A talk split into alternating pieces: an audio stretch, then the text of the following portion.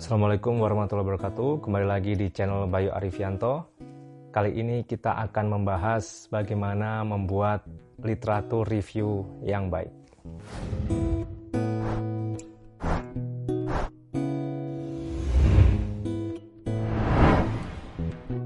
Baik teman-teman sekalian, uh, kemarin kita sudah membahas bagaimana membuat abstrak, pendahuluan, dan saat ini kita masuk ke literatur review. Tapi sebelumnya, bagi Anda yang belum subscribe channel ini, silahkan subscribe dan nyalakan tombol notifikasi sehingga akan mendapatkan informasi setiap kita upload video-video baru. Ya, ada kalanya saat kita menulis artikel, kita memutuskan untuk membuat satu bagian tentang literatur review, ya.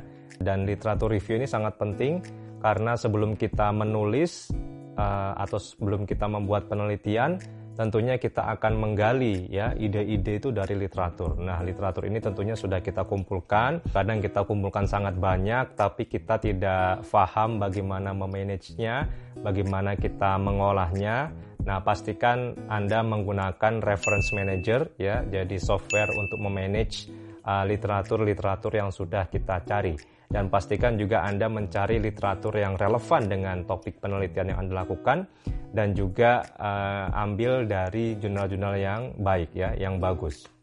Oke, saya akan berikan 6 tips tentang bagaimana kita membuat literatur uh, review yang baik. Jadi yang pertama kita identifikasi literatur yang akan kita masukkan pada bagian literatur review di artikel kita.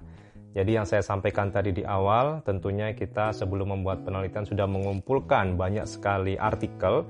Nah, sekarang kita identifikasi ya, sekarang kita cari mana artikel-artikel itu yang pas untuk dimasukkan ke bagian literatur review dari artikel kita. Tentunya ada artikel yang harus kita exclude, ada artikel yang harus kita uh, ambil ya. Nah, ini kita harus punya judgement ya, apa yang menyebabkan kita mengeksklud artikel itu ya, apa yang menyebabkan kita memakai artikel yang lain.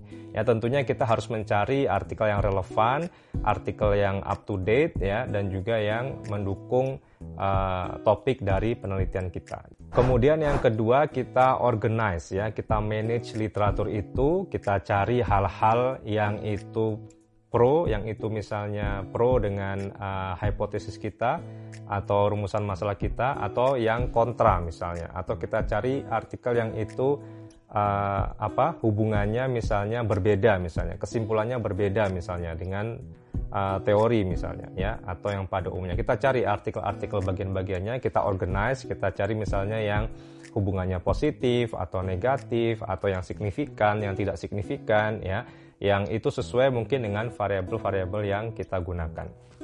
Kemudian tips yang ketiga ialah kita analisis dari artikel-artikel yang sudah kita kumpulkan, kita analisis untuk nanti kita akan tulis di bagian literatur review ya. Jadi literatur review yang kita buat tidak hanya semacam summary saja dari penelitian sebelumnya, tapi kita harus analisis ya uh, ini yang misalnya uh, hubungannya positif, ini yang misalnya hubungannya negatif, ini yang misalnya pro, ini yang misalnya cons ya dengan topik atau ide yang kita berikan di awal.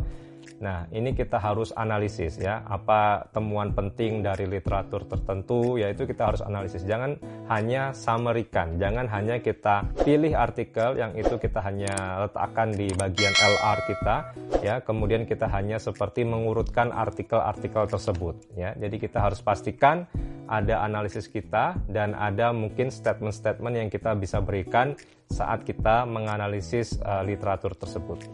Kemudian yang keempat, tips yang keempat berikan kesimpulan highlight dari analisis yang sudah kita lakukan dari artikel-artikel sebelumnya yang sudah kita kumpulkan dan kita tempatkan di bagian LR uh, artikel kita, kita berikan kesimpulannya kita berikan uh, highlightnya. Yang ini mendukung dengan research gap yang kita angkat di pendahuluan. Yang ini mendukung dengan rumusan masalah yang kita angkat di uh, bagian introduction.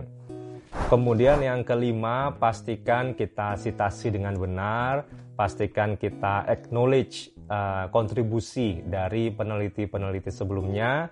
Kalau perlu ada catatan kaki, kita berikan catatan kaki ya, kita jelaskan secara detail masing-masing uh, uh, penelitian-penelitian sebelumnya yang itu perlu untuk dijelaskan. Kemudian yang keenam, pastikan juga mudah dibaca, dipahami, tampilannya jelas. Kalau kita gunakan tabel itu mudah untuk dipengerti ya.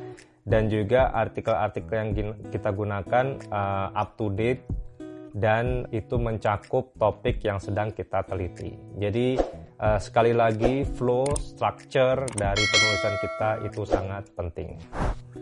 Baik itu tadi bagaimana kita membuat literatur review yang baik. Jadi yang pertama tadi kita identifikasi kumpulan artikel yang akan kita tempatkan pada bagian literatur review di penelitian atau artikel kita. Kemudian yang kedua kita manage, organize uh, literatur kita. Kemudian yang ketiga kita analisis artikel-artikel yang kita tampilkan, tidak hanya kita simpulkan atau summary saja ya. Jadi tidak hanya menjadi semacam dalam tanda petik shopping list. Kita hanya memasukkan artikel-artikel-artikel sebelumnya tanpa itu kita analisis bahwa ini uh, relevan hasilnya apa ya.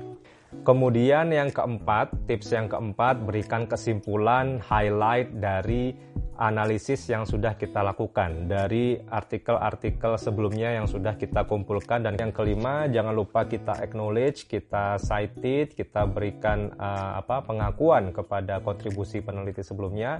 Kalau perlu ada footnote kita tampilkan di footnote. Kemudian yang keenam tadi pastikan mudah dibaca ya, mudah dilihat, dimengerti oleh pembaca dan juga kita pastikan up to date dan artikel tersebut kita organize dengan uh, baik.